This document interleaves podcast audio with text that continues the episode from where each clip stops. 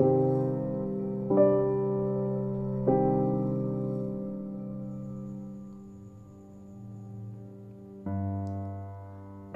selamat datang kembali di ruang jiwa di mana pun dan sedang apa pun kita sekarang. Hari ini kita sampai di dua episode terakhir tentang sindrom-sindrom dalam PL maupun dalam PB. Nah, kalau episode yang lalu kita bahas tentang Petrus, hari ini kita mau ulas Yohanes Pembaptis. Kemarin Petrus, sekarang Yohanes Pembaptis.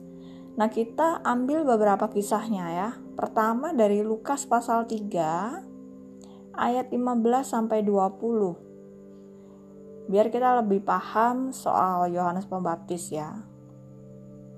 Lukas 3 ayat 15 sampai 20. Pelayanan Yohanes Pembaptis ini diceritakan dengan jelas. Mengabarkan Injil pada orang-orang sulit di zaman itu. Sampai dia dikira Mesias juga sempat kayak gitu ya tapi dia nggak mau mengakui jati diri orang lain, yaitu Yesus. Dan yang paling penting di sini adalah poin bahwa Yohanes Pembaptis akhirnya dipenjara di ayat 19 sampai ayat 20. Next, kisahnya nggak muncul lagi karena lebih banyak bercerita tentang Yesus. Dan Yohanes Pembaptis baru muncul di Lukas pasal 7. Itu pun mulai ayat 18. Nah, poin apa yang mau gue jelasin di sini? Yohanes Pembaptis itu begitu lantang menyuruhkan Yesus adalah anak Allah. Tapi toh di tengah perjalanan pelayanannya, perjalanan imannya, tepatnya waktu itu pas dia lagi di penjara, Lukas pasal 7, ternyata dia juga sempat ragu pada Yesus. Bener gak sih dia di Mesias? Bener gak dia juru selamat yang ditunggu-tunggu? atau kita harus nunggu orang lain lagi? Nah, Yohanes Pembaptis dengar semua kisah pelayanan Yesus dari dalam penjara. Kalau dalam Lukas emang nggak disebutin ya dari dalam penjara. Tapi kalau kita baca perikop yang menceritakan hal yang sama, itu dari Matius pasal 11 ayat 2. Ada ayatnya yang bilang gini, di dalam penjara Yohanes mendengar tentang pekerjaan Kristus. Wow, keren. Ini orang yang udah kubaptis kemarin. Sekarang dia mulai pelayanan. Yesus mulai ngajar di rumah-rumah ibadah. Dia juga sempat ditolak di Nazaret sih kisah sedihnya ya. Yesus juga mulai menyembuhkan sakit penyakit, khususnya kusta. Bahkan Yesus mau menyembuhkan seorang anak muda di Nain. Dan Yesus juga mulai punya 12 murid. Nah, ketika Yohanes Pembaptis mendengar ini, dia dengar dari dalam penjara. Penjara membuat dia lemah, ragu, takut kalau-kalau apa yang dia lakukan atau orang yang dia bela, eh ternyata salah.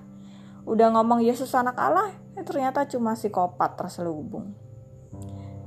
Siapa pun bisa mencapai tahap ragu, sekalipun sedang melakukan sesuatu yang benar, sekalipun dia on the right track. Yohanes Pembaptis juga merasakan hal yang sama. Apa yang dia kerjakan udah benar, tapi masalahnya kondisi yang dialami kan gak baik. Dia lagi di penjara karena menegur Herodes. Lukas pasal 3 tadi. Nah, ada dua hal yang bisa kita ambil dari kisah Yohanes Pembaptis ini. Yang pertama, siapa pun kita dan sedahsyat apa pun pelayanan kita, kita tetap aja nggak kebal sama keraguan. Sekali lagi, siapa pun bisa mencapai tahap ragu, sekalipun dia sedang melakukan sesuatu yang benar, sekalipun dia sedang on the right track. Tapi percaya, Yesus yang menyertai itulah sumber kekuatan kita. Misalnya nih, pernah nggak kita lagi dalam posisi ragu, bener nggak ya aku melayani di bidang ini bener nggak ya aku pilih jurusan ini yang kuliah-kuliah nih atau yang baru-baru masuk udah ngeluh tugas banyak bener nggak ya aku pindah ke sana bener nggak ya aku kerja di sini ya kadang sebenarnya apa yang kita lakukan udah bener dan kita udah sempet yakin banget sama panggilan Tuhan tapi di tengah jalan pas kena masalah kita jadi ragu ya manusiawi lah. Makanya kan Yohanes Pembaptis juga sempat tanya, benar nggak nih? Nah, kita gimana? Apa kita sekarang juga sedang dalam keraguan? Tetap berdoa dan minta petunjuknya Tuhan.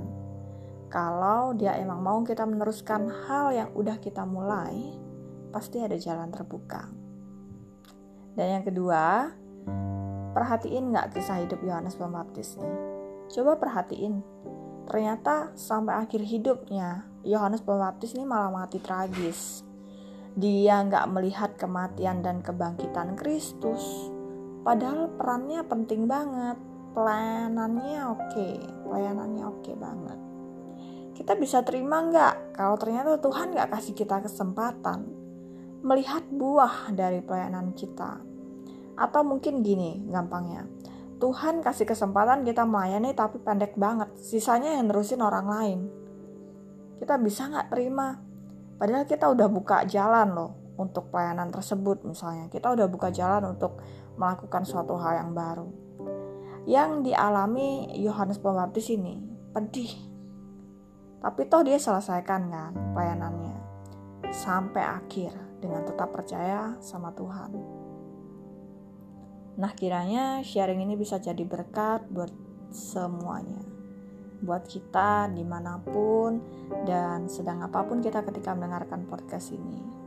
Tetap percaya dan tetap kerjakan hal-hal baik dan benar yang udah kita mulai sekarang.